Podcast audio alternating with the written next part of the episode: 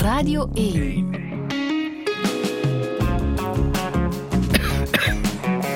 Touché. Met Friede Lesage. En met Ines van den Kieboom. Goedemorgen. Goedemorgen, mevrouw. Hoe gaat het? Wel een beetje met mijn stem heel slecht. Een beetje voor- eh, verkouden. En een beetje was- meer dan verkouden. Ja, een beetje bronchitis. Ja. Ja. Hoe komt het, denk je? Je hebt hard gewerkt hè, de voorbije week. De laatste weken al die interviews met een stuk of vijf dagbladen en nak. Dat is vermoeiend voor iemand die dus... Ik was altijd alleen thuis en ik sprak niet veel. Als je alleen zit, zeg je niet veel. Ja. Dus dat is vermoeiend. En dan eh, die twee vernissages, de pre-vernissage en de, de officiële. Dat is iedere keer tot s'nachts 12 uur. Dat was afgelopen week, hè? Dat is nu pas gebeurd, Ja. woensdag en donderdag. Ja, afgelopen donderdag werd jouw eerste solo-tentoonstelling Ja. geopend Ja. bij Tim van Laren, de galerie in Antwerpen. Jouw allereerste solo-tentoonstelling op jouw 92ste. Fantastisch. Ja, zo, Fantastisch. zo eh, heb je het aangevoeld? Nu meer dan voordien. Ja? En wat bedoel je, meer dan voordien? Wel, ik dat, omdat ik wat twijfelachtig was, Of je dat wel zou kunnen? onder andere. Ja? ja. Maar ik moet zeggen, het team van Tim Valaar, die hebben mij zo goed ontvangen. Eh, Tim Valaar had een expositie gezien. En hij vond direct, ja, dat is iets, ik zou het zo zeggen. En hij heeft mij dus eh, gevraagd voor in zijn, zijn stal, zal ik zeggen, komen. En ik ben er goed ontvangen. Ja, en dan krijg je een solo-tentoonstelling. hè. Dan moet je Ja. je werk tonen. Hoeveel werken heb je gemaakt voor deze tentoonstelling? Voor deze...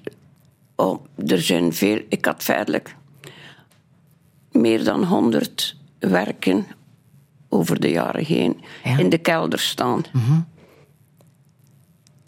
Dus als Tim Valaar mij, ik zal maar zeggen, ontdekt, mijn werk ontdekt heeft, dan heeft hij die allemaal uit de kelder komen halen. ik Is zal het waar? zo zeggen. En daar een die staan uitgemaakt. allemaal bij hem. Ja? En hij verkoopt en hij organiseert. En moet zeggen, fantastisch. En hoe is het gegaan? Want nu hebben de mensen de kans om jouw werk te bekijken en ook te kopen. Is er veel verkocht? Heel veel. Is het waar? Ja? Kunnen niet geloven. Ja, en dat doet jou deugd. Niet maar een paar.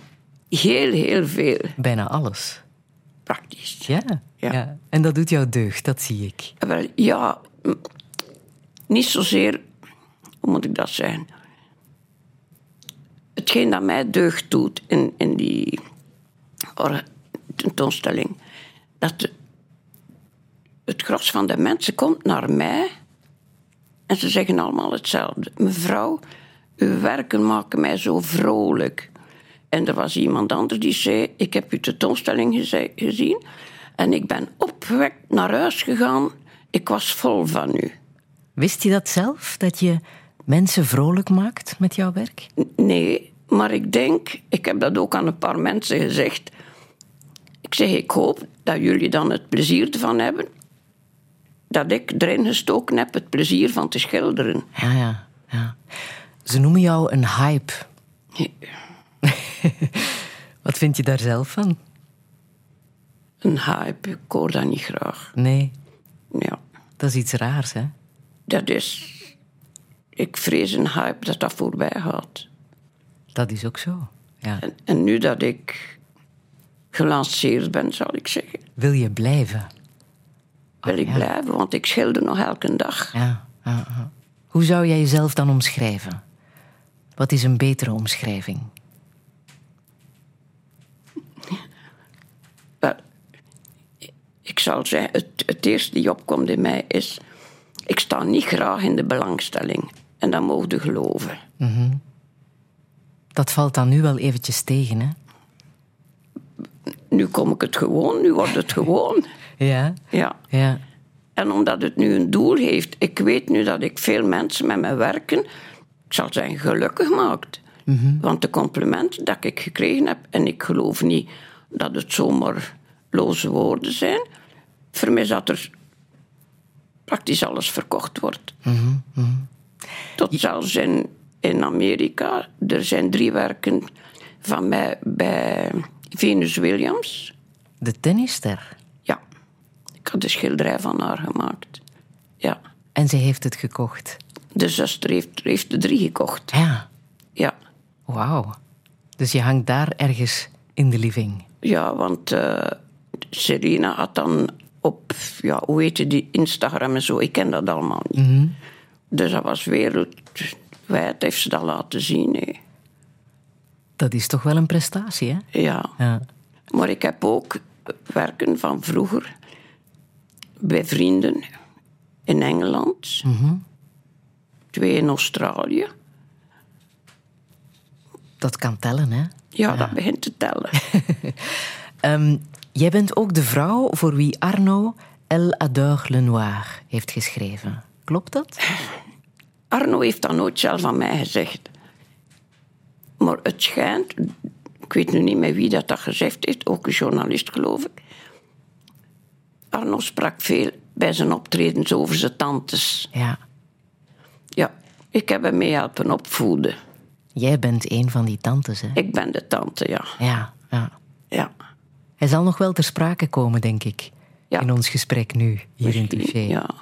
Je hebt ook een prachtig levensmotto. Een bekend levensmotto. Plus est en vous. Ja, Waarom telt dat voor jou? Waarom klopt dat?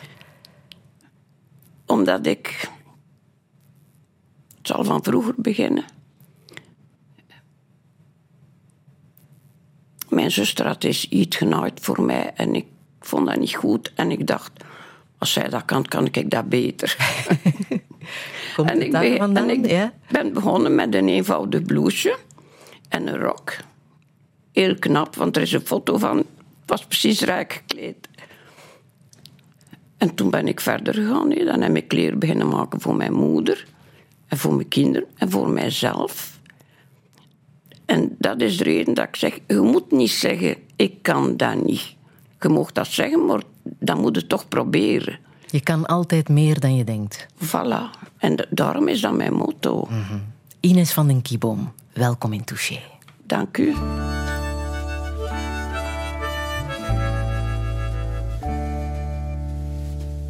Quand nous chanterons le temps des cerises et Guy Rossignol et Merle Moqueur seront tous en fête.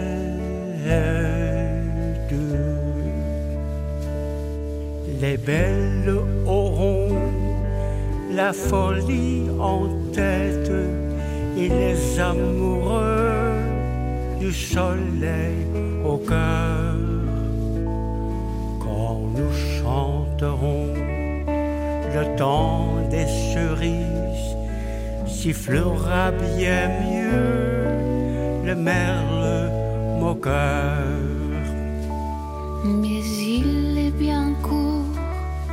Le temps des cerises où l'on s'en va de cueillir en rêvant des pantons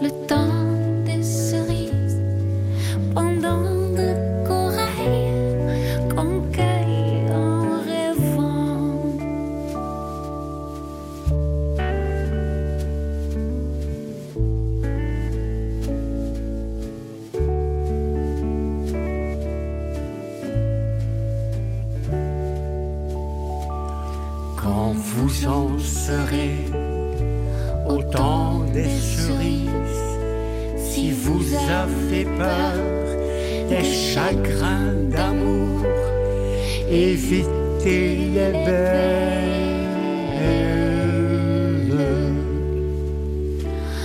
Moi qui ne craint pas les peines cruelles. Je ne vivrai pas sans souffrir un jour. quand Vous en serrez au temps des cerises. Vous aurez aussi des chagrins d'amour.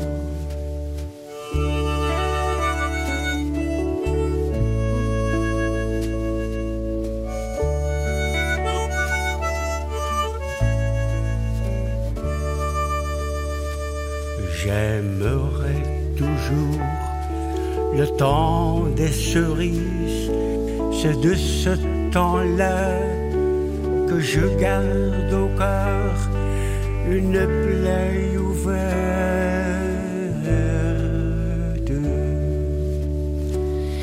Et dame fortune, en m'étant offerte, ne pourra jamais fermer ma douleur.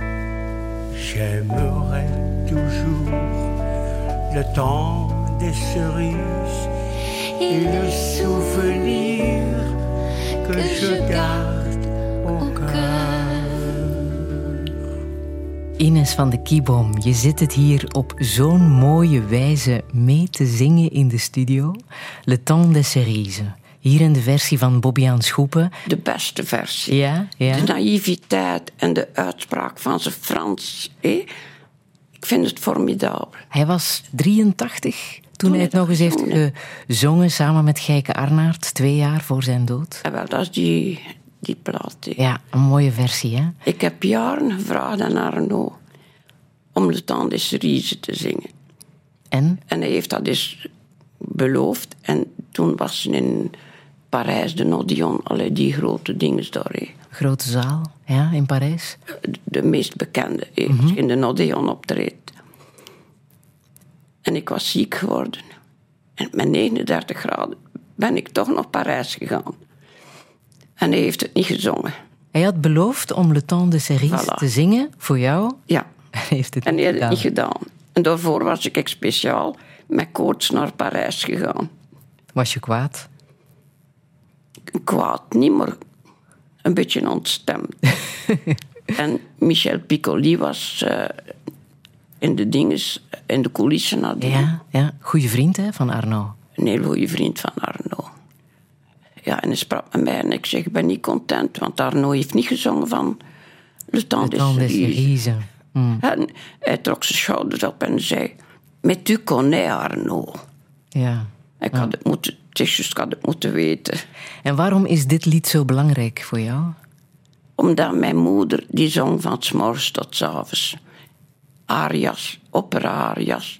Het is daarom, ik ben liefhebber van, van opera. Ah, Want ik ken, ken al die arias.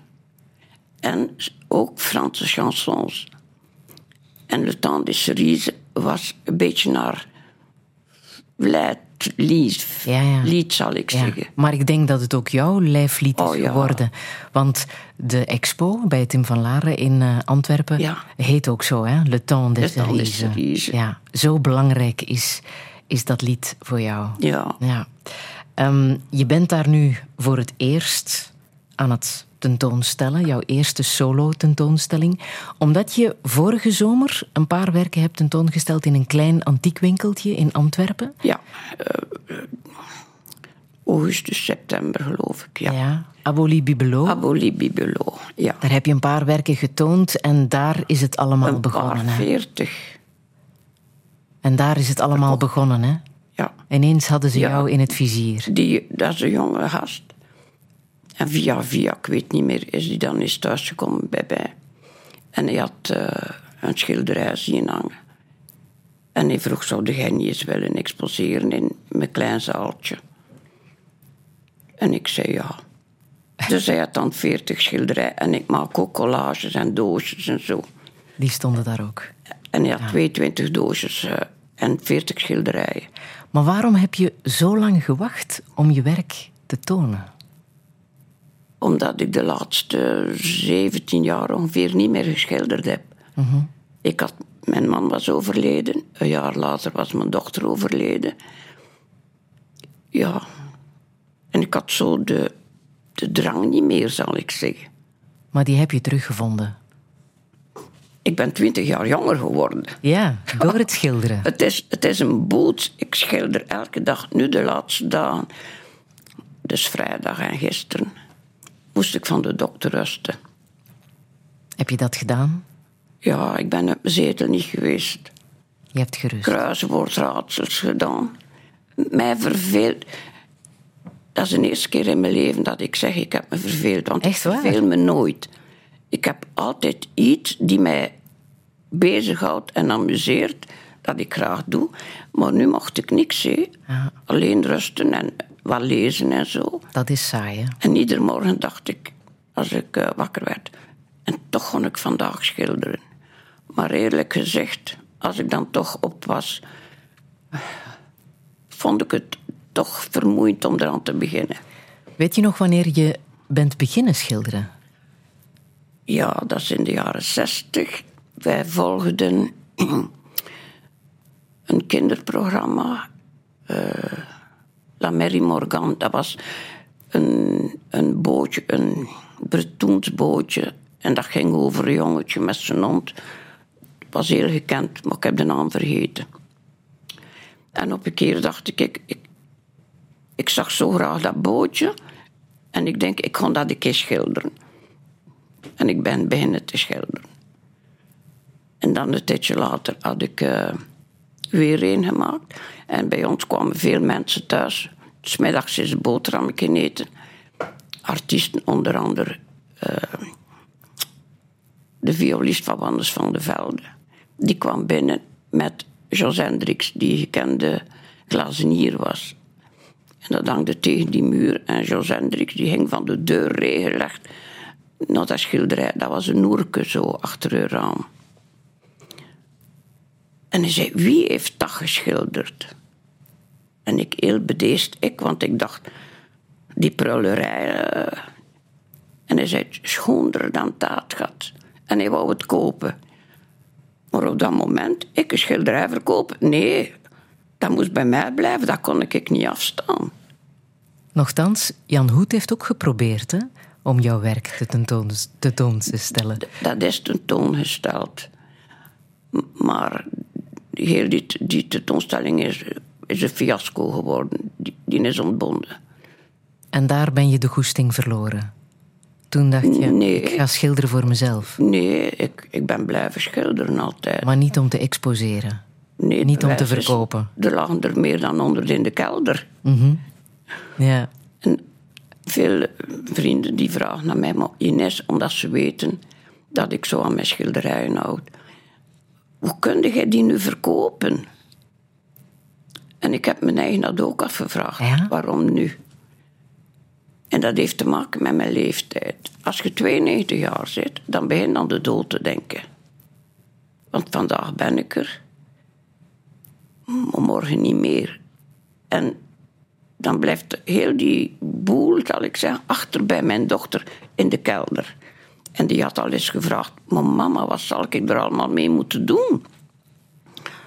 En ik had gezegd: Ja, in de container zeker, ik weet het niet.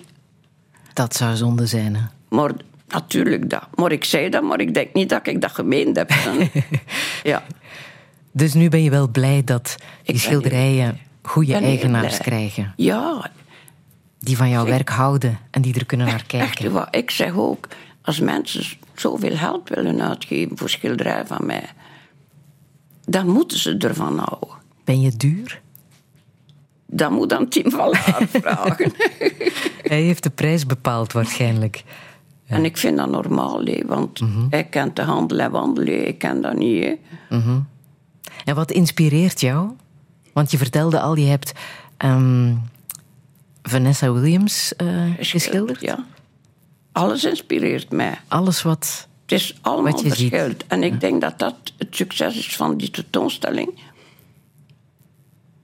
Je valt van de ene, ik zal zeggen verbazing een groot woord. Als je binnenkomt, dan denkt je, oh, dat, dat, oh, en dat, en dat.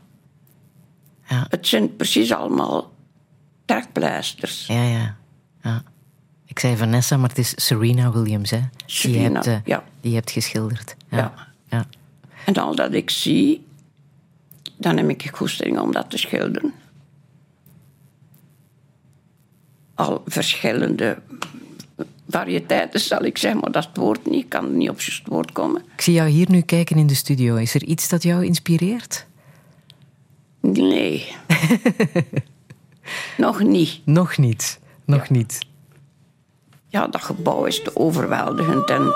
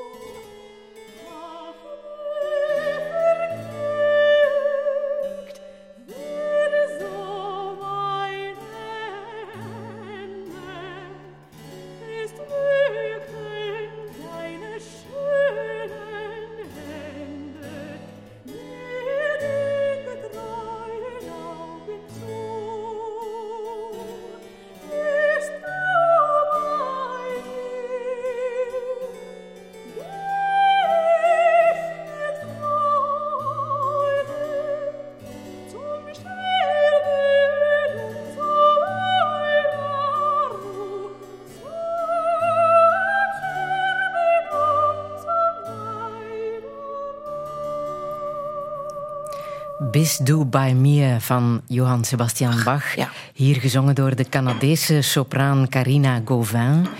Ines van den Kieboom, welke herinnering heb jij aan, aan deze muziek? Wel, ik hoor veel muziek. En toen mijn moeder overleden is... Dat gaat over, over een tekst dat ik geschreven heb. Ja. Maar bij haar begrafenis heb ik dus dat uitgekozen. Kon jouw moeder dit ook zingen? Mijn moeder zong alles. Dit heeft ze ook gezongen. Een zuivere, zuivere stem. Ja. Maar daar heeft ze nooit iets professioneel mee gedaan, hè? Mijn moeder? Aha. Nee, ze was 18 jaar geweest.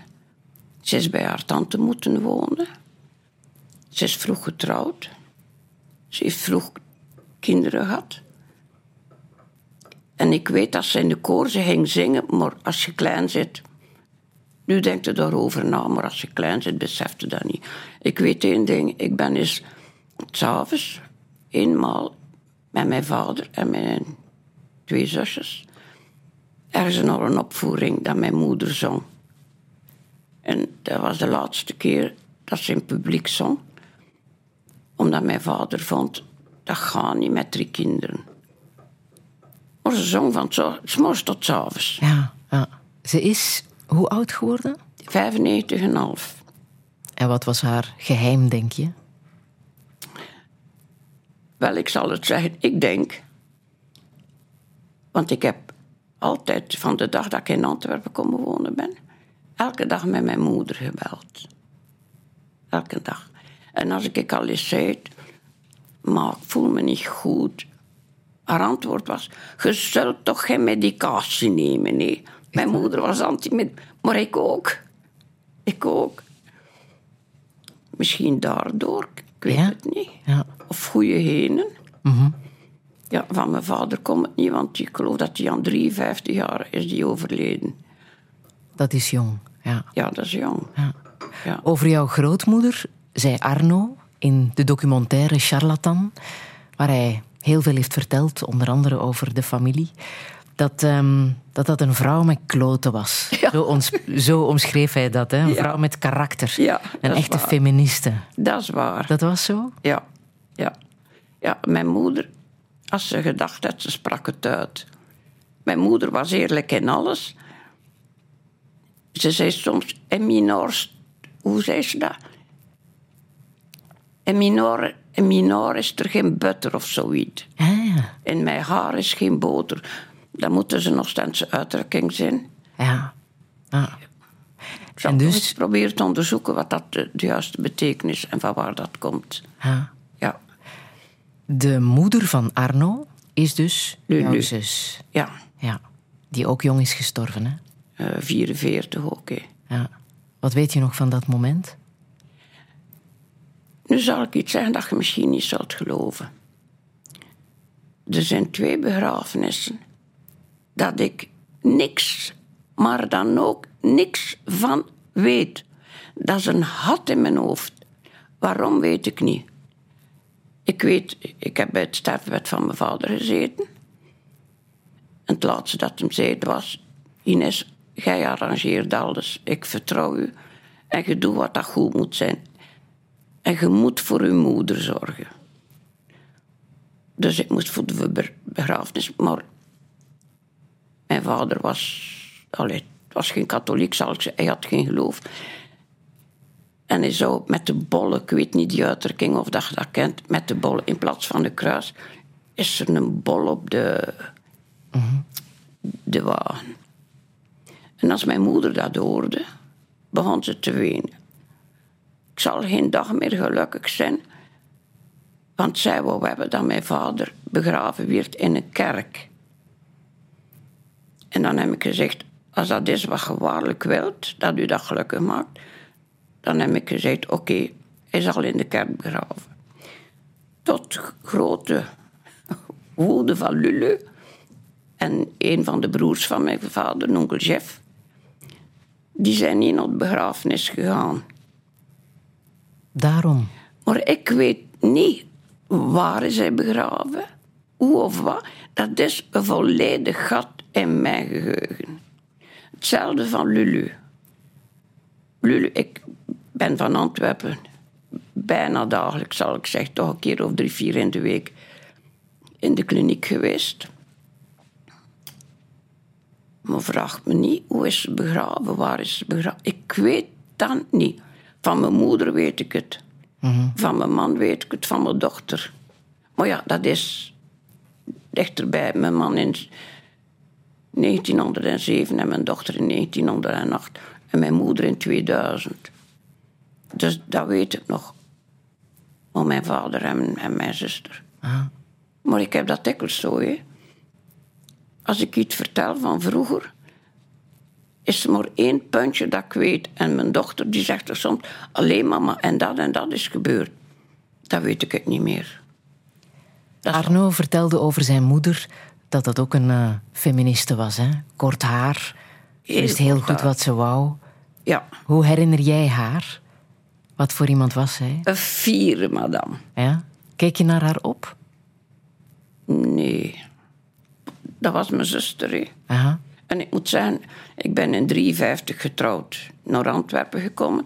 Dan had ik niet meer zo'n oude contacten met, met mijn zusters. Hè. Maar het had wel impact op de familie, denk ik. Hè? Als Natuurlijk. zo iemand zo jong Ja. moet sterven. Ja, gelijk dat ik de lieveling van mijn vader was, was Lulu de lieveling van mijn moeder. Was de oudste natuurlijk, het eerste kind. Hè. Ja. Ja. ja. Maar het was een vierde, vierde, vierde madame. Altijd opgewekt, lachen, zo herinner ik mij haar. En als ze in de stad liep, iedere etalage dat ze passeerde, bewonderde ze haar eigen. Ja? Het was een mooie vrouw, blauwe ogen, een blots, witte tanden. ja. Het, het was feitelijk een figuur. Toen zij er niet meer was, hebben jullie, de tantes en de grootmoeder, voor Arno en Peter gezorgd. Hè? Ja, Peter, Peter zo niet, daar heb ik geen... Vooral voor. Arno? Had Arno Maar meer dat was zorgen als nodig? Lulu nog leefde. Huh? Dan werkte zij op een bureau in de vismijn. Ja. En dan zette zij die kleine af bij ons. Hè. Mhm. Waar dan mijn jongste zuster was, die was naar school, veronderstel ik. Ik weet het niet meer. Maar, en ik was veel thuis met mijn gezondheid. Dus ik moest met Arno. En smiddags met hem een dutje gaan doen. Maar ik sliep altijd trapper dan Arno. En Zou was- het, kunnen, zou het kunnen dat jullie van hem een familieman hebben gemaakt? Want dat zei hij over zichzelf. Hè? Ik ben een family man. Ja, want wij hadden twee keer in het jaar een familiefeest. Ah. Twee keer. En als hem toen ze ziek was, hij belde hij en hij zei: Tante Ines, er moet een familiefeest komen. Want de laatste paar jaren was dat zo een beetje vervallen, ik weet het niet. En dan zijn we naar Oostende gegaan. Nee, eh, not familiefeest. Maar hij zag eruit. Dat was zijn laatste Een familiefeest. Oh. Ja. En altijd ging ik bij hem zitten. En ik zeg, Arnootje, het is waar. hè." Ja, tante zegt, en ik ben zo moe. Ik zeg, hoe had jij dan nog een opvoering willen doen? En ik kwam recht en hij veranderde. Dat is wat anders. Op podium staan, dat was zijn leven. ja. En dat heeft hij gedaan tot... En dat heeft hij gedaan tot De laatst. laatste. Ja. Ja. ja.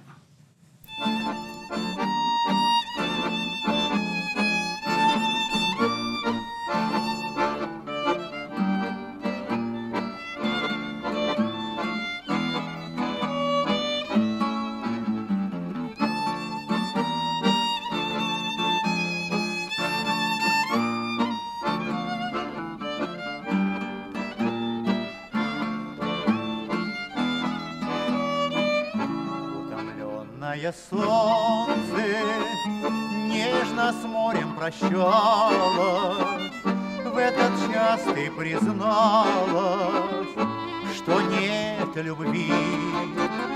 Мне немного взгрустнулось, без тоски, без печали. В этот час прозвучали слова твои.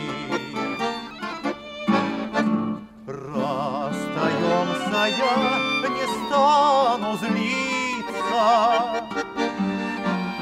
В этом виноваты ты и я.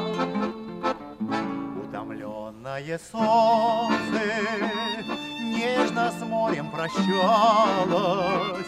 В этот час ты призналась, что нет любви.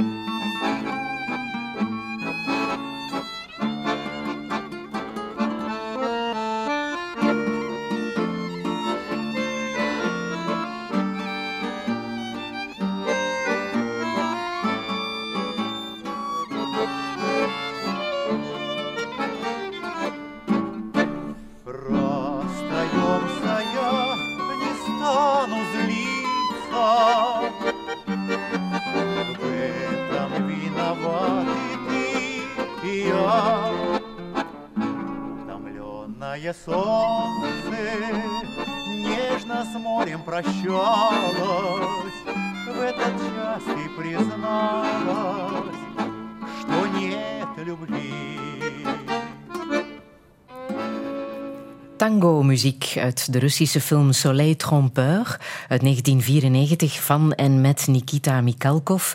Won destijds de grote prijs in Cannes en ook de Oscar voor beste niet-Engelstalige film.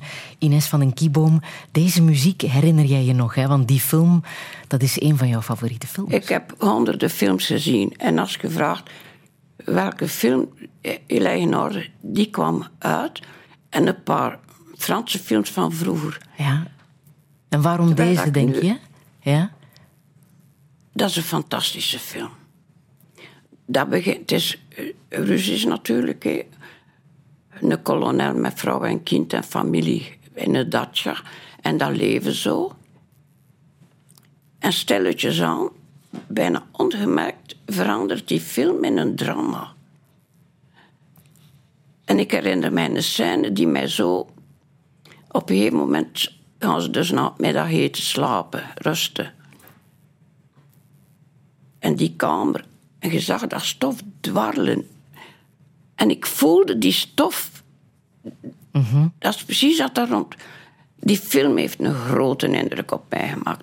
En zeker omdat het als een drama geëindigd, geëindigd is. Ja, ja. Ja, het ging hem over politiek. En hij was kolonel in het leger in de tijd van Stalin. En Speelt zich af in de jaren dertig, hè? zoveel geliquideerd. hè. Ja. Ja. Jij hebt die jaren dertig nog meegemaakt. Ja. Je bent geboren in 1930. ja. Wat weet je daar nog van, van die jaren? Wel, ik gelukkig jaren. Ik ben geboren in de Hennepstad. Daar herinnert mij niks van.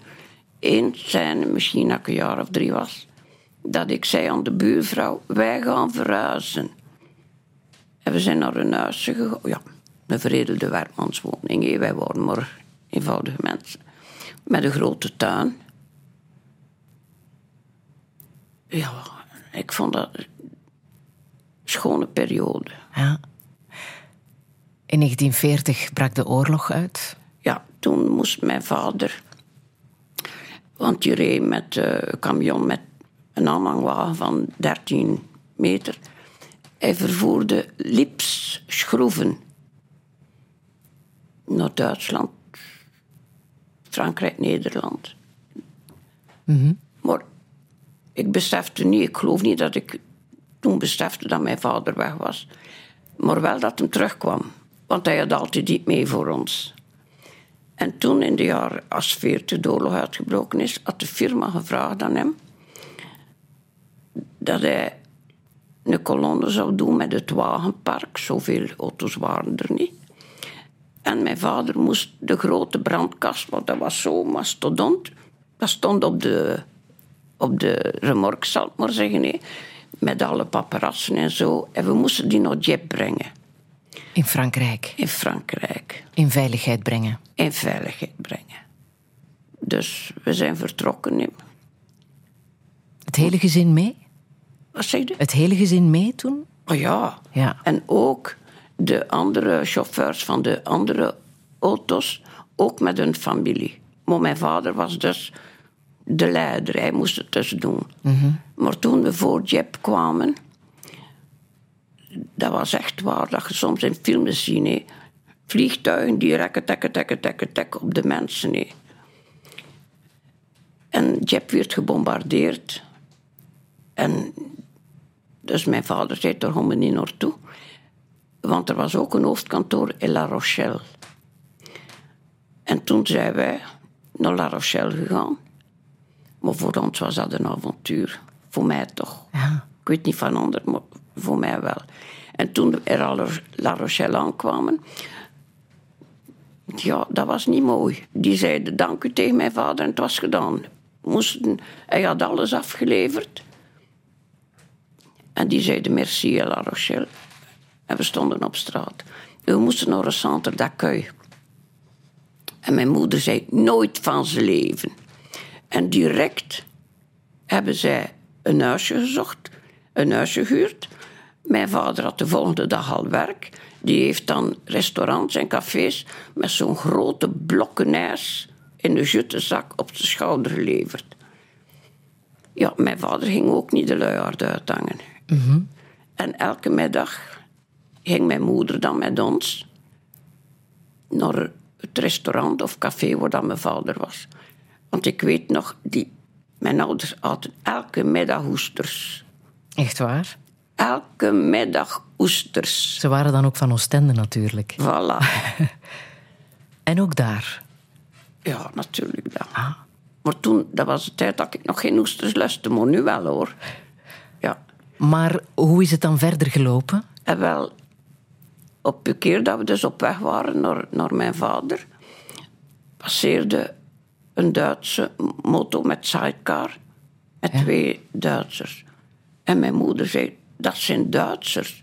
En die zijn binnengegaan in La Rochelle. Er is door niet geschoten, er is door niks gebeurd. En dan nog eh, een kolonne. Mijn moeder zei, ja maar we zijn weggevlucht voor de Duitsers. En als ze nu in La Rochelle zitten, ja dan wil ik terug naar huis. Ik had graag in La Rochelle gebleven. Maar dus jullie zijn terug naar En we Oostende zijn dan gegaan. terug. En hoe Met veilig dezelfde- was dat met toen? dezelfde camions weer, hè. Ja, ja, ja. En hoe veilig was dat toen om terug te keren naar Oostende? Hoe bedoel je met veilig? Waren jullie terug veilig in Oostende? Ja, Oostende was bezat eh, van Duitsers.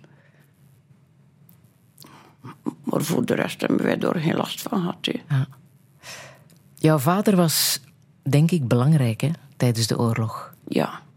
ja, want op een van de, de dagen dat we dus aan het vluchten waren, zijn op route naar Frankrijk of op de terugkeer, dat weet ik niet zo. maar- Want mijn vader zocht dan elke dag logement, hé, dat wij niet op die notto moesten blijven slapen.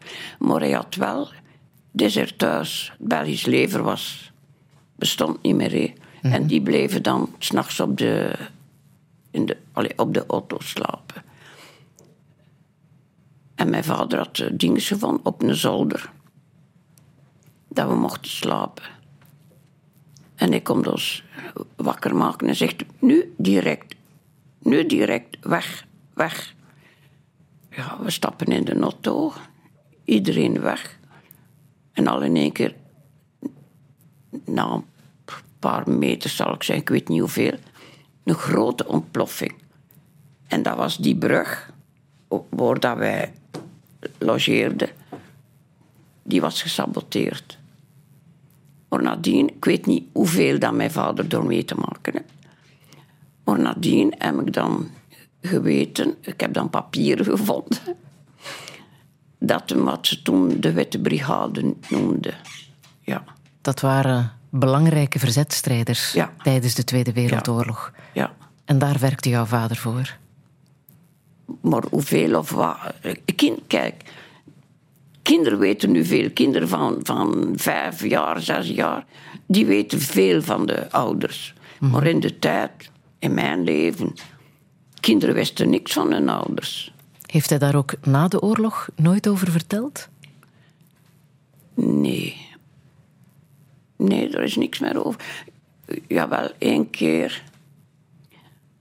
eh, mijn vader had de, de gewoonte, als er dingen waren.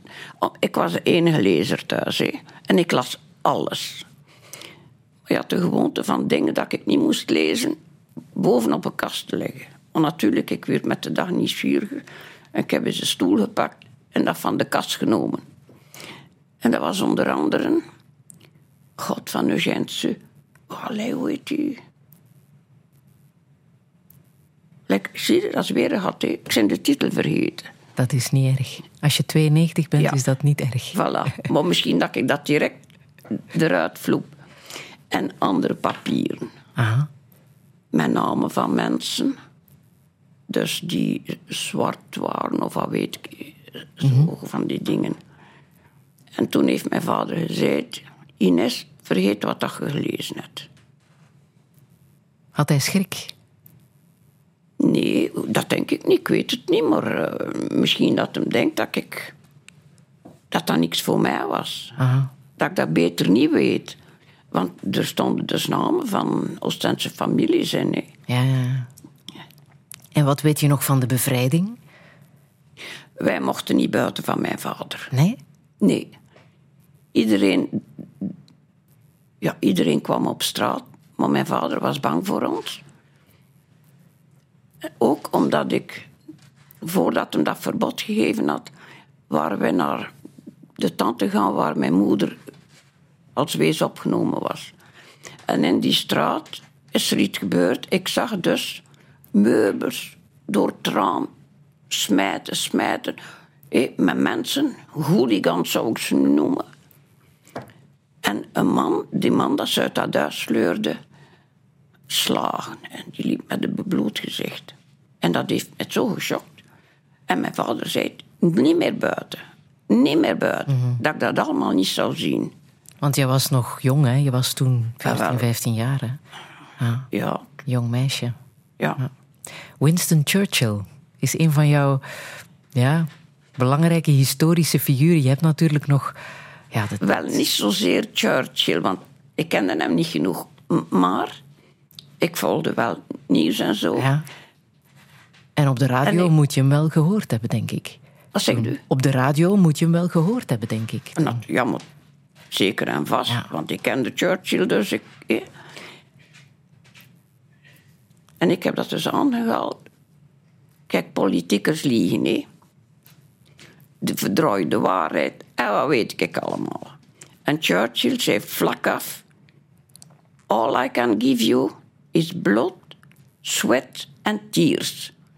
Welke politicus zou dat durven zeggen aan de bevolking?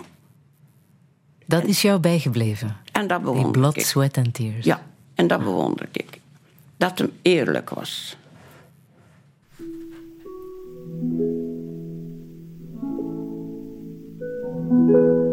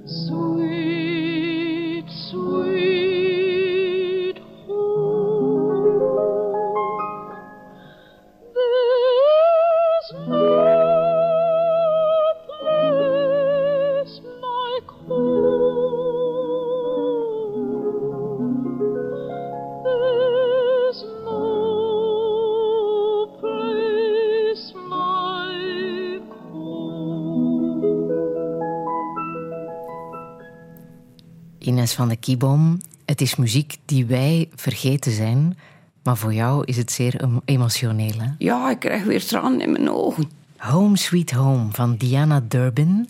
Is het van Diana Durbin? Ja, uit 1939. Zoals het heeft gezongen in de musical First Love. En toen was zij een heel belangrijke Amerikaanse actrice. Goed betaald ook. Churchill was grote fan van haar. Allee, En de grote concurrente van Judy Garland.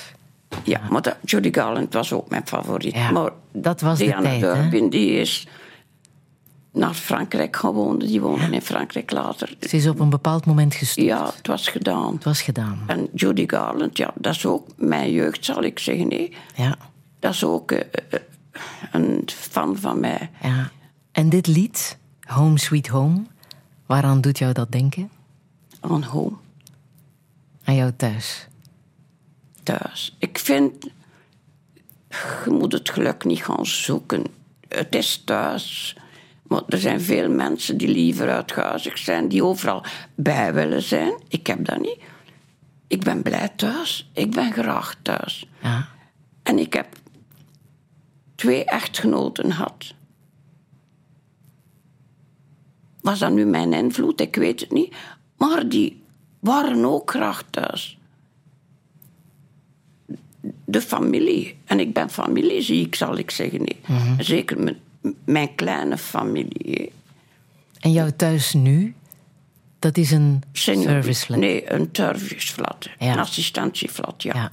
En heb je dat helemaal tot je thuis kunnen maken? Er is toch veel... Ik heb mij heel mijn leven omringd met de dingen dat ik graag zie. Stomme dingen of zo. Maar die het hadden. Ja. En toen ik van... Door de ziekte van mijn tweede man ben ik terug naar Oostende gaan wonen. En van Oostende ben ik dan op aandringen van mijn kinderen naar Antwerpen komen wonen. Van een groot appartement van 265 vierkante meter. Dus je kunt denken wat dat ik heb moeten achterlaten. Tot mijn piano. Ja, kon die nergens meer binnenbrengen. Nee, een Je speelde vleugel. piano. Maar geen, geen artiest kleine stukjes. en niet aan het publiek. Zingen, deed je dat? Heb je zelf ooit gezongen, zoals Ja. je moeder? Maar ik heb een, een microbe gehad op mijn stembanden. Ja. En sindsdien kan ik niet meer zingen. Ik kan geen toon houden. En dat is heel, voor mij, kon heel goed toon, want ik hoorde bij een ander als het verkeerd gaat. Kan niet. Ik kan dood gewoon niet zingen. En kon je Home Sweet Home zingen? Vroeger altijd. Ja? En als ik een jong meisje was en ik ging ergens naartoe, en dan zeker in de winter, en ik kwam dan in de donkerte thuis, ik stapte van de tram. En dan in de verte zag ik dan The Lights of Home. Ja. Ah. En heel die weg zong ik dan.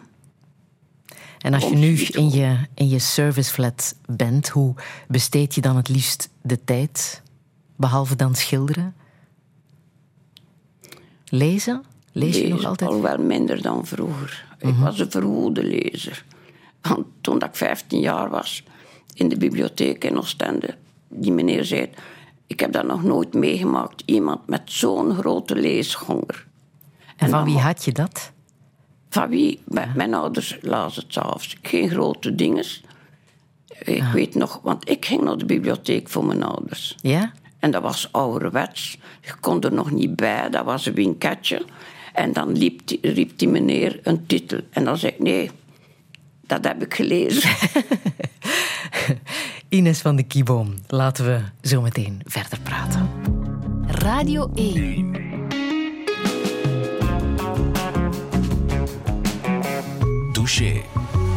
Met Friede Lesage. En met de oudste gasten van de voorbije elf seizoenen, Ines van den Kieboom. 92 is ze en ze opende zo net haar eerste solotentoonstelling bij Tim van Laren in Antwerpen. Nochtans huldigde neefje Arno haar in zowat elk interview om haar feminisme en artistiek talent. Waarom liet ze zo lang op zich wachten? Is het fijn om zo oud te zijn? En wat verwacht ze nog van het leven? Dit is Touché met Ines van den Kieboom. Een zeer goede middag.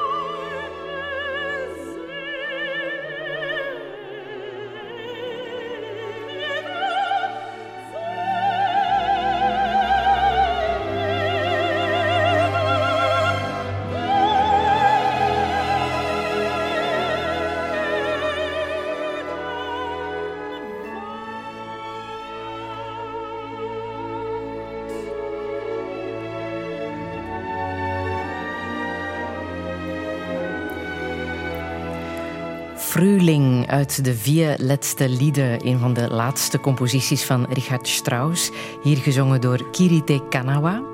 Ines van den Kieboom, jij houdt van Kirite Kanawa. Ja. Ja. Hoe is het begonnen tussen jou en Kiri? Hoe is dat begonnen? Ik luister veel naar muziek. Aha. En weet je nog hoe je dit hebt leren kennen? Ja, ik kende Kirite Kanawa genoeg gehoord. Maar mijn man, die was voor zijn werk naar... Hij moest dikwijls naar Londen. En ik lag met de griep thuis. Ik kon niet mee, want normaal ging ik mee. En ik kwam terug met de voorlaatste songs met Kiri. Ik heb dat natuurlijk direct opgezet. En ik dacht, wat heeft hem nu meegebracht? Maar ik had niks anders te doen, hè. En dat heb ik twee, drie keren afgespeeld. Aha. En hoe meer dat ik luisterde, hoe mooier dat ik het vond. Dus jouw man wist Oh ja, wat jij graag wou. ja, ja. ja. Wat voor iemand was hij? Dat was mijn tweede man.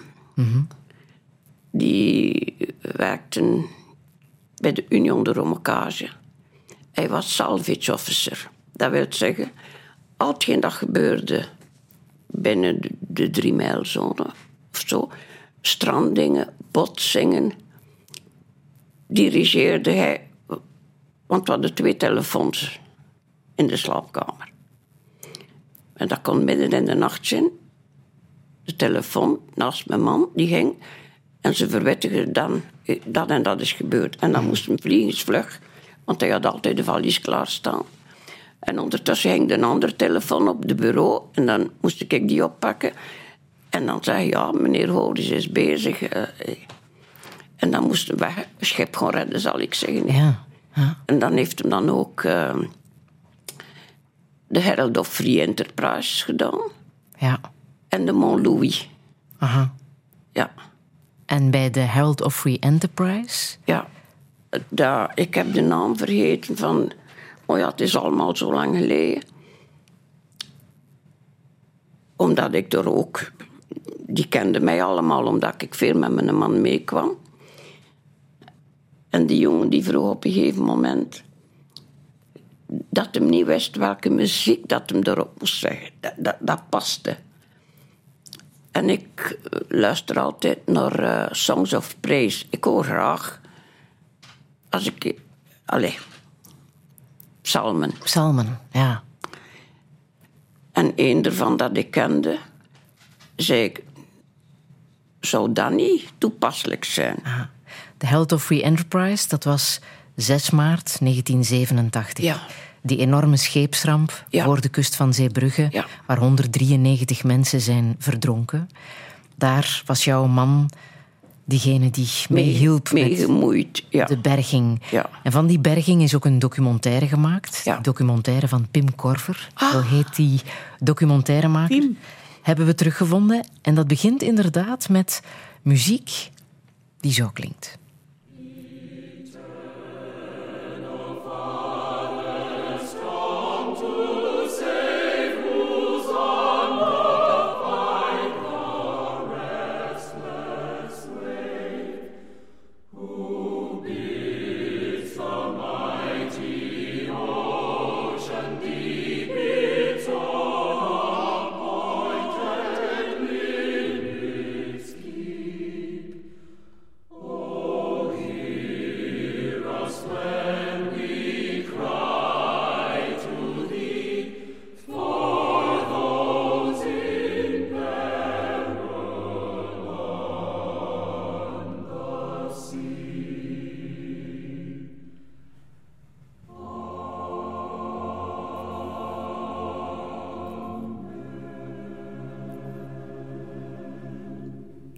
Het is inderdaad een prachtige psalm, hier gezongen door Ja. de Navy Band. Ja, ja. Heeft ook een geschiedenis. Hè? Het is echt een, een lied ehm, geïnspireerd door de gevaren van de zee, zoals eh, beschreven in Psalm 107.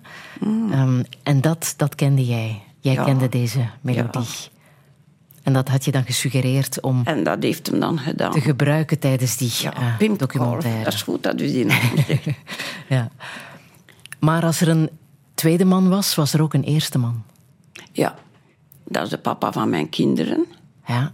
Guy Maclot, een beeldhouwer en de grote prijs van Rome. Want iedereen krijgt dat niet. Er zijn wel mensen die zeggen ik was laureaat, maar hij heeft met algemene stemmen die prijs gewonnen. Ik geloof dat je voor 30 jaar oud moest zijn, ik weet het niet meer. Ja. En hij had dus eh, een groot beeld gemaakt, in ijzer uitgeslagen. Levensfiguur, pr- prachtig. En terwijl dat, hij, dat daar in die zaal, dat we dat moesten afzetten, op de sokkel, een marmeren sokkel, liep ik de zaal rond om te kijken wat zijn de andere inzendingen. En ik ben terug bij mijn man gekomen. Ik heb gezegd, Guy, jij had de prijs van Rome. En dan in feite de algemene stemmen. En dat was dan minister, een minister, hoe heet die nou weer? Die was dan geloof voorzitter van de jury. En ze hebben niet gedelibereerd. Het was gewoon meteen duidelijk. Ja. En de prijs was toen op dat moment... Dat, dat moet zes, mijn dochter onthoudt die dat al veel beter dan ik. De prijs was 100.000 Belgische franken. En drie maanden moesten ze dan naar Italië gaan en een soort van verslag Op dat moment was mijn dochter niet goed. Die, die had iets aan longen, ik heb vergeten wat. En de, dokter, de kinderdokter gezegd... mevrouw, als dat mijn kind is, dan ging ik ermee in de bergen. Ik zeg, ja, dat kan ik ook, hè. Boven de 1500 meter. En dan zijn wij naar Madonna di Campiglio gegaan. En we hebben daar een maand geweest. Guy ook. Maar ondertussen gingen we dan wel naar musea's, naar Brescia, wat weet ik allemaal. En dan ben ik terug naar Oostende gekomen. En mijn man is dan nog twee maanden in Rome moeten blijven. Ja. En met die 100.000 frank hebben we een boerderijke gekocht. ja. Goed besteed. ja. Ja. Is daar ja, jouw kennis van, van de kunsten ook begonnen, samen met jouw eerste man, Guy Maclot? Of was je al goed ingewijd in de kunstenaarswereld? Want in Oostende liepen wel wat kunstenaars rond natuurlijk. Ingewijd, ingewijd niet. Natuurlijk. En mijn man ging ook niet. Hij maakte geen reclame voor zijn eigen, zal ik zeggen. Hij kwam. was ook een huisman. Hij was ook altijd. We hebben van een oude boerderij iets gemaakt. We hebben er twee jaar gekampeerd. We hadden karbuur licht. We hadden geen water. En zelfs als het eh, vroor, dan moest ik naar buiten gaan. En dat was zo'n eh, cement eh, waterdinges van tak. En dan moest ik zo'n dikke steun wegschuiven en water met ijs scheppen. En zo leefden wij. Dat waren de schoonste jaren dat je kunt verdenken. Ja. Prachtig, prachtig, prachtig.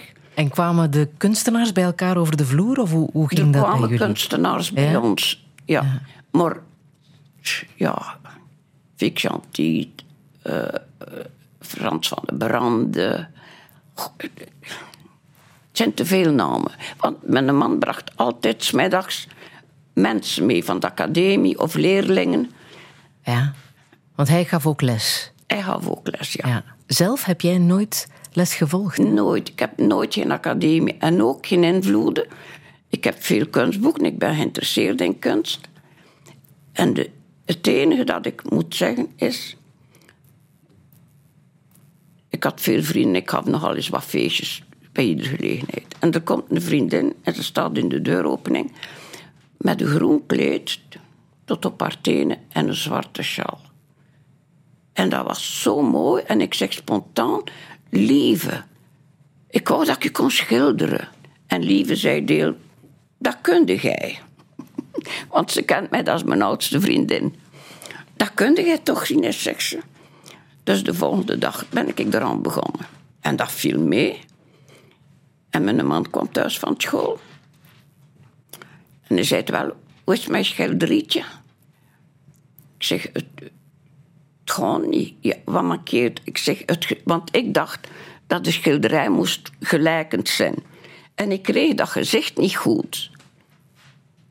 En mijn man zei de wijze woorden. moet dat op lieven gelijk? Ik zeg ja.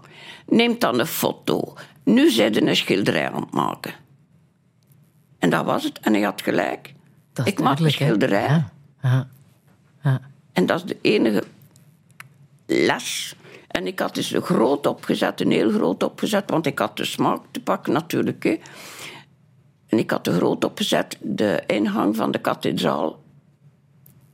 Ja, ontvlucht in Frankrijk. Chartres? Chartres, denk ik, ja. En met al die figuren, hè. En hij was ook een keer thuiskomen van school. En hij zei... "Mm, ja, hij wou mij ook niet beïnvloeden. Want hij zag hoe autodidact ik was en door moet afblijven. En ik was zo blij dat hij me iets gezegd had. Hè. En dan heb ik gedacht, ik moet dat verbeteren, ik moet dat zuster doen. En dan kwam hem thuis. En dan zei hij, godverdomme, godverdomme, zei wat heb je nu gedaan? In zijn ogen was het kapot. Ik heb het niet verder geschilderd. En voordat dat terecht gekomen is, dat weet ik niet. maar hij had gelijk, dat Ja, heb ik ja. nu geleerd. Ja. Ik schilder en ik kruip in mijn schilderijen. Want een van de kenmerken, zal ik maar zeggen... omdat ik zo dicht in mijn schilderijen zit... dan schilder ik een voet of een hand. En dat kan een groot figuur zijn. Maar dat is af voor mij. En dan staat er door iemand met kleine handjes en kleine voetjes. Maar dat kan, hè. In schilderijen kan dat. En wel, voilà. Ja. En dan zei ik, het is af. Ik heb eh, een grote coureur geschilderd. Die staat nu in Parijs bij een verzamelaar. Een grote coureur. En la- later, maanden later, ik weet het niet, was er iemand die zei... "Oh, Ines, waarom heeft die coureur één been? Ik zei, hoe, die heeft maar één been. En dan ben ik gaan kijken. Ah, nee, die heeft maar één been. En dan vroeg er iemand, heb je dan een tweede bijgezet? Nee, af is af. Het moet dus een goed schilderij zijn, want het is dank in Het Parijs. staat in Parijs. Ja.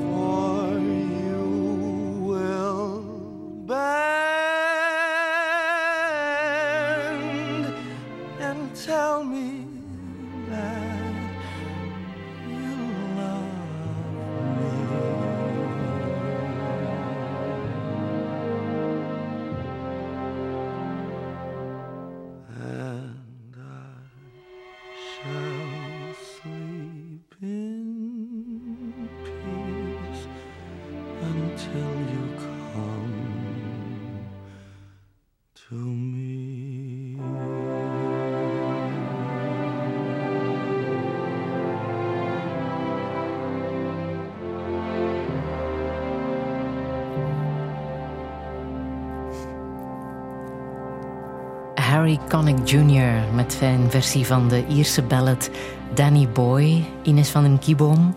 Het is een lied met een bijzondere betekenis voor jou. Hè? Je hebt het zelf veel gezongen. Voor je eigen dochters. Mijn kinderen en mijn kleinkinderen. Ja.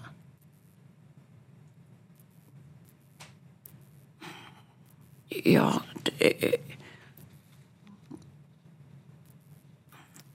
mijn gevoel van muziek, het, het moet.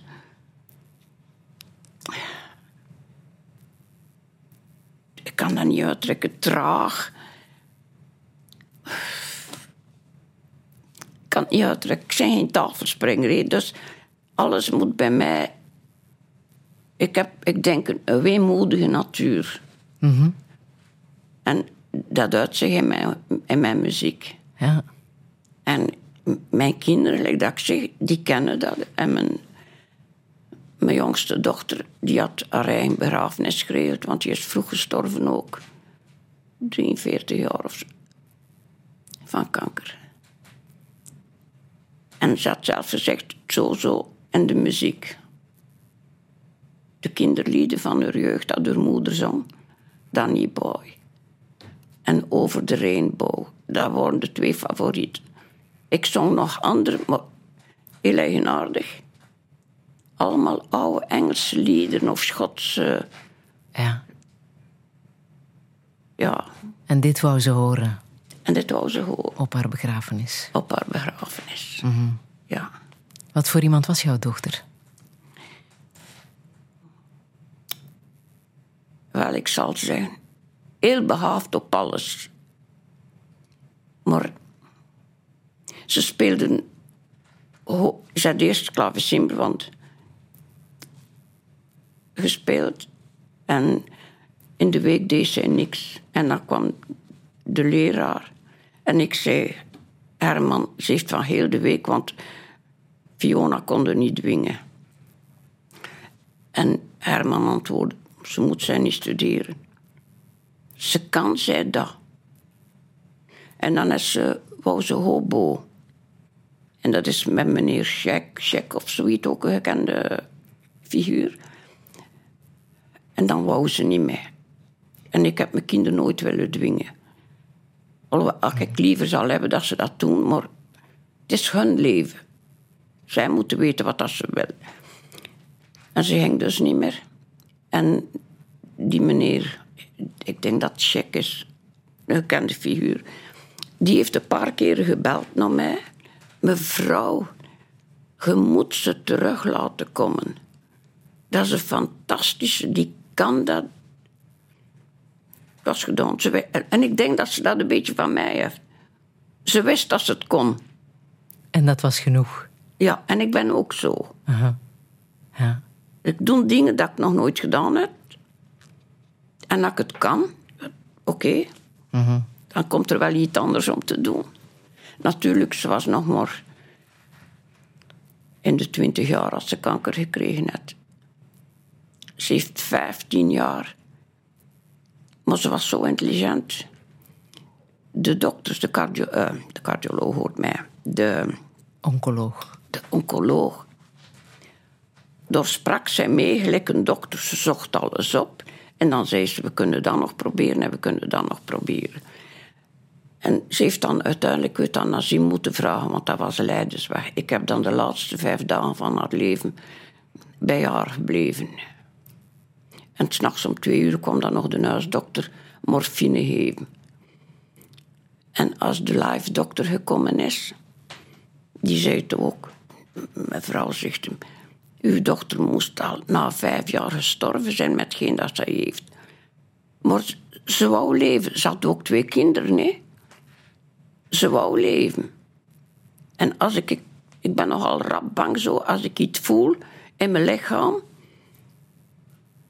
En dan denk ik aan mijn dochter. Die heeft nooit geklaagd. Als ik binnenkwam bij haar, lag ze op de divan overgeven, overgeven. En als ik twee uur later wegging, nog altijd. Maar ze heeft nooit geklaagd, want ik kwam dan in de kliniek. Ze heeft dan in Brugge ook gelegen. En er kwam een dokter binnen en hij vroeg Fiona wat wil eten. En ik vond dat nu zo eigenaardig in de kliniek.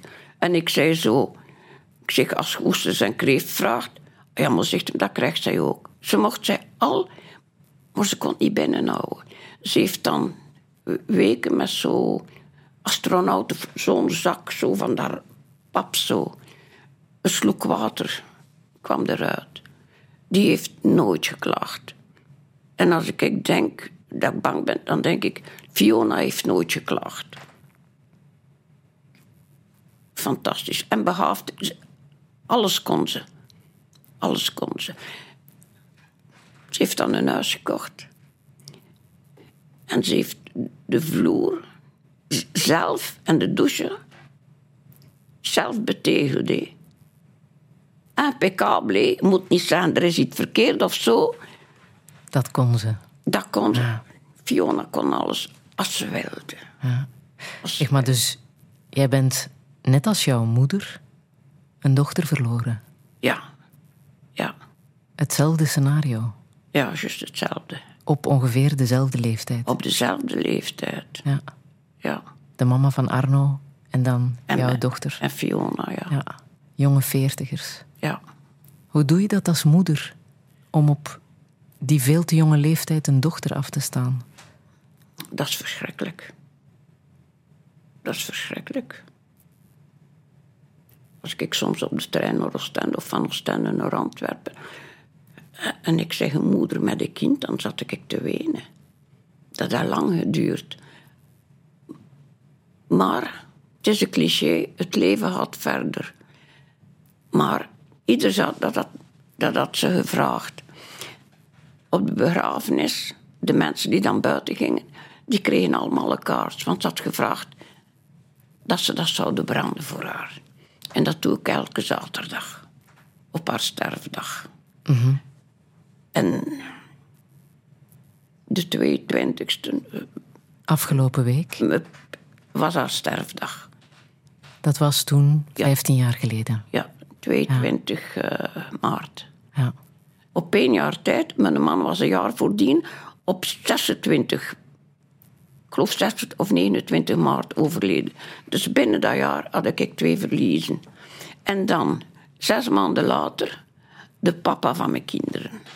Dat was een slechte periode. Je ziet de mensen rondom je wel wegvallen, hè? Ja. ja. Zeker als je zo oud bent als jij. Wel, het is daarom dat ik geen spijt heb van mijn schilderij weg te doen. Het is een goede daad, zal ik zeggen. Je maakt mensen blij. Ja.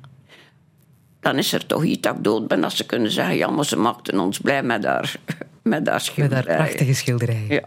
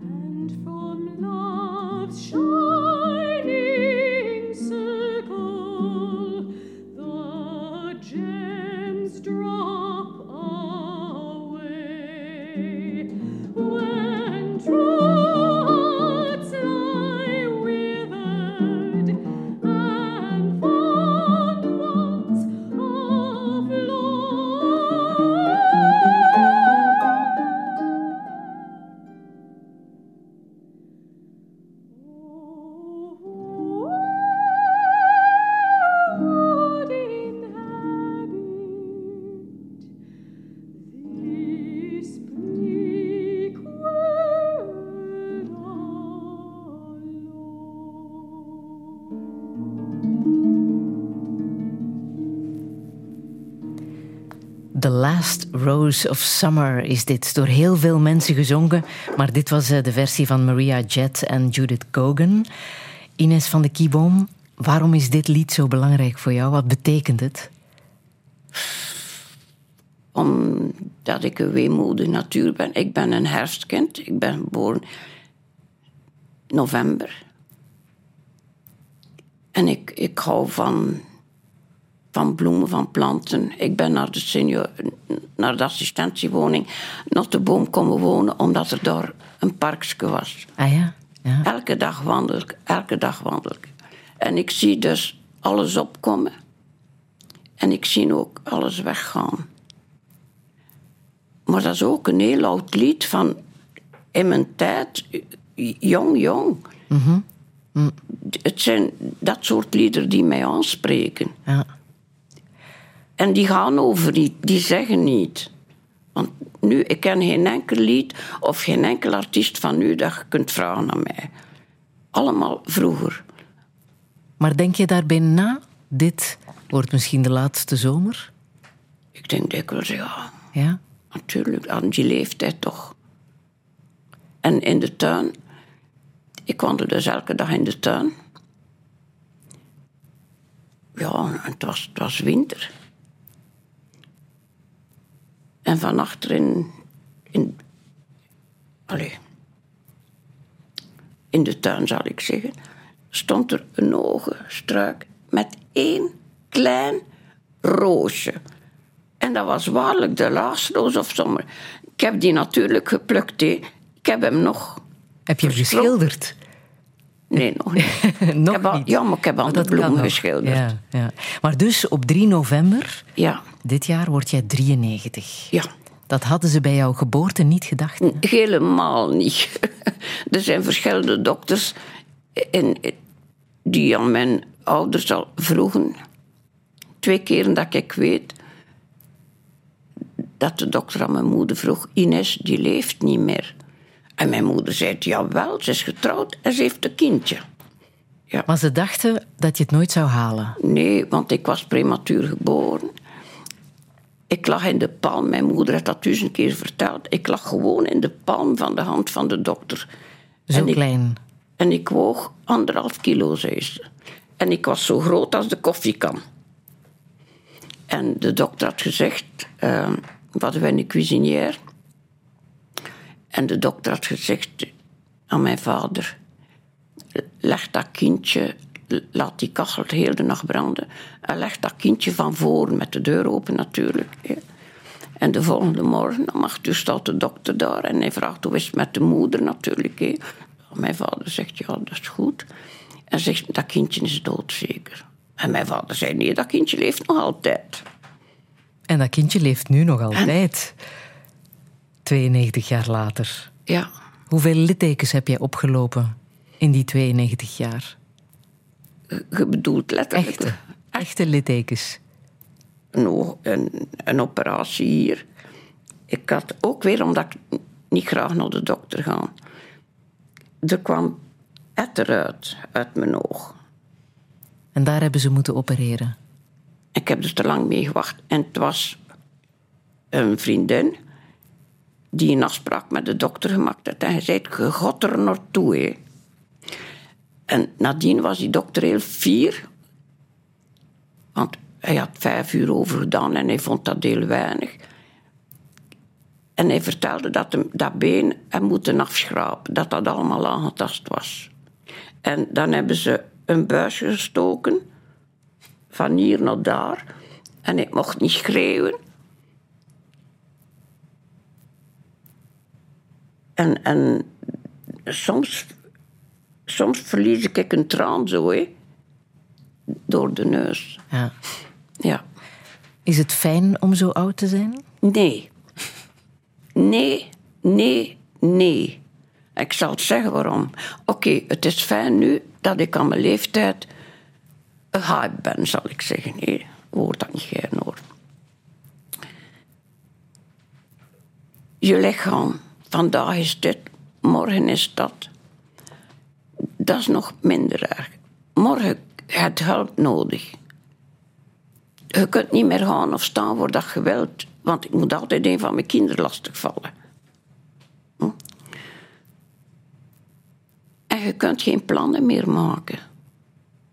Je kunt niet zeggen, oh, ik kon dit nog doen, ik kon dat nog doen. Oké, je kunt dat wel zeggen, maar ik zeg dat niet.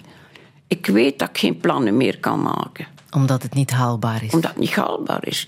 Maar ik heb één voordeel. Ik leef vandaag.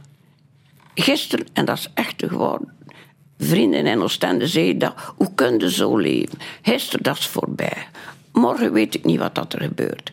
Maar ik weet wel wat dat er nu gebeurt. En morgen zeker dat ik zoveel vergeet. Maar mijn dochter zegt altijd, dat had hij al altijd gedaan. En het is feitelijk waar.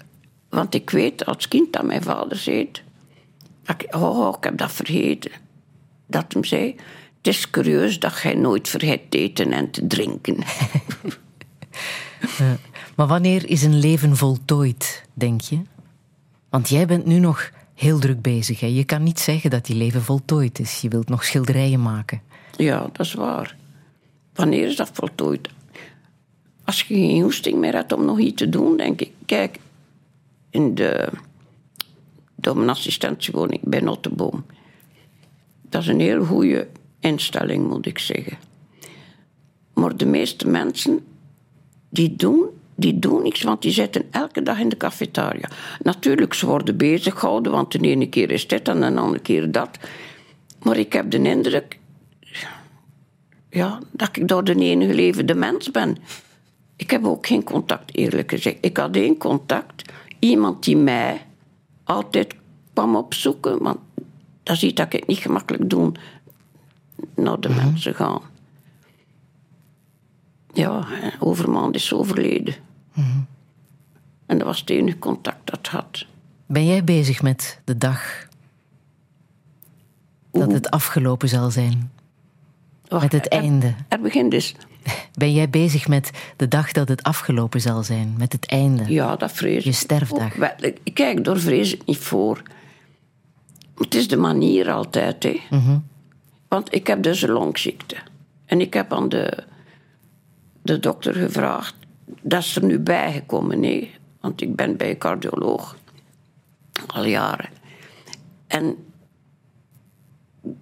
ik heb drie lekkende kleppen. En daardoor blijft er te veel bloed of zo. Hij had dat met de tekening laten zien, maar ik vergeet dat. Maar nu, mijn laatste rapport dat ik gekregen heb van hem, staat er iets nieuws bij. Dat er nooit over gesproken geweest is. En dat een longziekte, daar kunnen ze niks aan doen. En dat komt door die kleppen. En dat geeft een te grote bloeddruk, zal ik zeggen. Ik zeg het met mijn woorden niet, want Maar dat is dus oud longen. worden. Dat is oud worden. ja. En ik heb gevraagd aan de dokter: wat moet ik dan verwachten?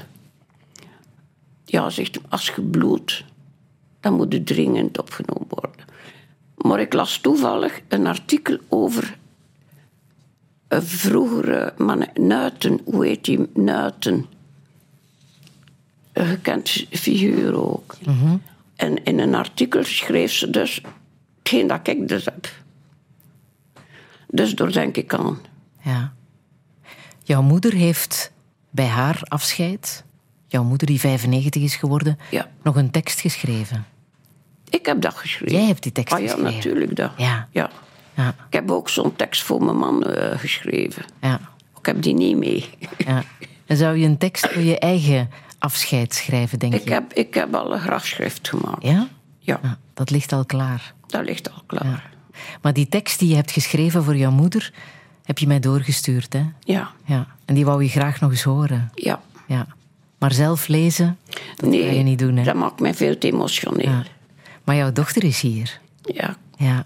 En die is even komen bijzitten in de studio. Allee, het is goed dat zij het dan goed doet. hè. Petra. Mhm. Hoe is het?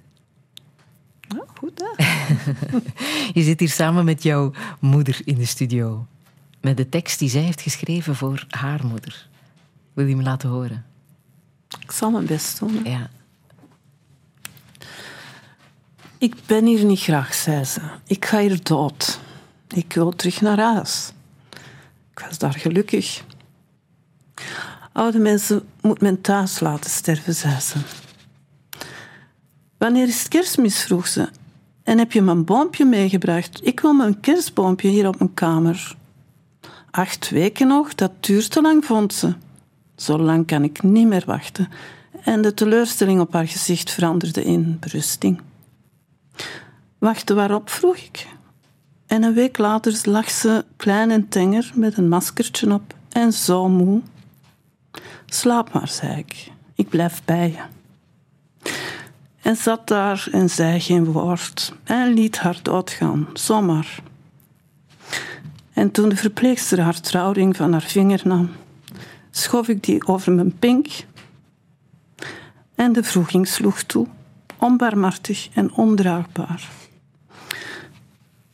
Ik had voor haar moeten zingen, dacht ik, van Danny Boy of Le Temps des Cerises.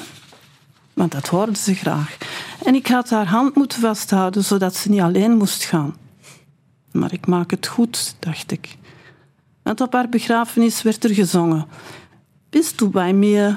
En wol. En partir c'est mourir un peu. En ook Le Temps des Cerises. Maar de vroeging bleef en zou nooit meer weggaan. Is dat zo? Heb je daar spijt van? Oh, ik heb er veel spijt van. Ja. Ja. Ik, ik zat er moeten zitten. had- Maar op dat moment, ja, Je hebt de muziek ook vandaag laten horen, hè?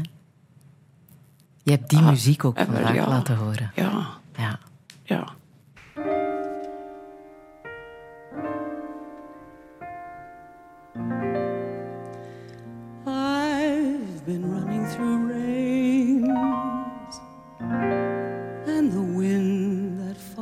After.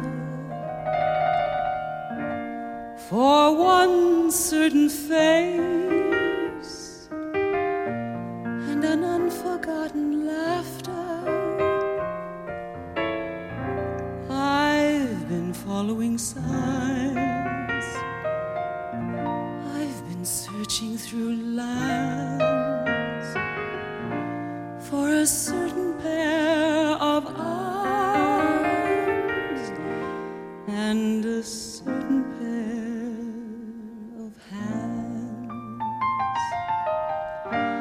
as I try to kiss here, and I try to kiss there.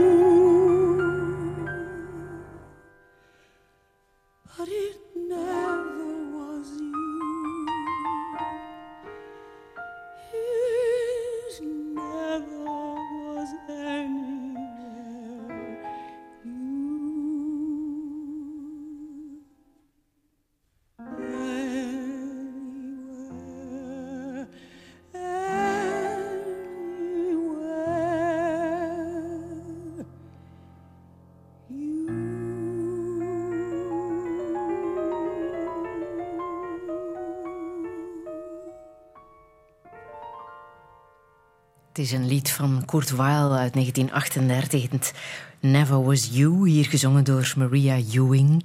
Ines van den Kieboom, waaraan moet jij denken, als je dit lied hoort? Ik was eens aan het rijden met een auto en ik deed de cassette eh, open. En er lag een cassetje dat mijn man er ingelegd had voor mij. En dat was dat lied. En ik vond dat heel mooi. Maar ik moet zeggen, het hangt ervan af wie dat het zingt. Ja, Kiri zingt het ook. hè. En heel eenvoudig. En ik heb dat altijd gekoesterd, want de- door het feit dat hij de moeite gedaan heeft, hè, want hij kende een beetje mijn ding. Het was een keer hier natuurlijk. En als mijn man overleden is, hé, dan waren die woorden zo. I looked everywhere. Als je iemand, een grote man met, met een grijze moustache ziet. Dus ik heb een tijd lang op zoek geweest naar mijn man, die, die overleden was. Ja. En daarom is dat lied zo vol betekenis. Je wou hem zien. Ja. Ja. Maar gelijk dat ik al gezegd heb, het leven gaat voort. hè. Er is een moment. Maar soms, maar nu is het een tijdje geleden, dan kan ik 's morgens gelukkig wakker komen. Dan heb ik van mijn man gedroomd. Dat maakt jou gelukkig. Ja. Ja. Wat maakt jou nog meer gelukkig? Wat zou je nog willen in dit leven? willen niks meer. Als je oud zit, dan wilde niet. De meeste mensen, dat ik, oude mensen, nee, die willen alleen maar dood zijn. En ik begrijp dat. Want wat is het leven nog als je in een rolstoel zit, dat je afhangt van andere mensen? Je kunt niet veel wensen meer hebben, nee. De enige wens is dat ik mijn kinderen zie. En dat ze op het laatst bij mij zullen zijn. Ja, maar het kan ook onverwacht gebeuren dat ze er niet bij zijn. Hè? Ja. En welke boodschap wil jij ons nog meegeven? Mag ik eens zeggen dat ik me kwaad maak voor sommige dingen? Ja. En ik wil die boodschap is een groot woord.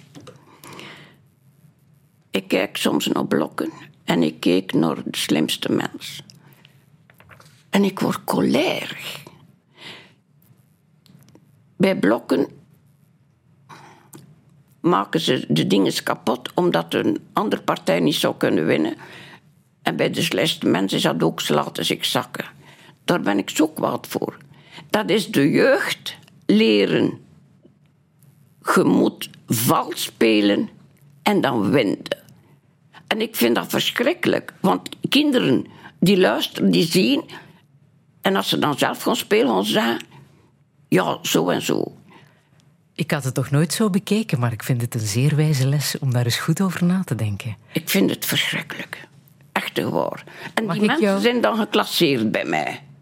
Mag ik jou bedanken, Ines van den Kiebon? Herbeluister Touché in de app van VRT Max.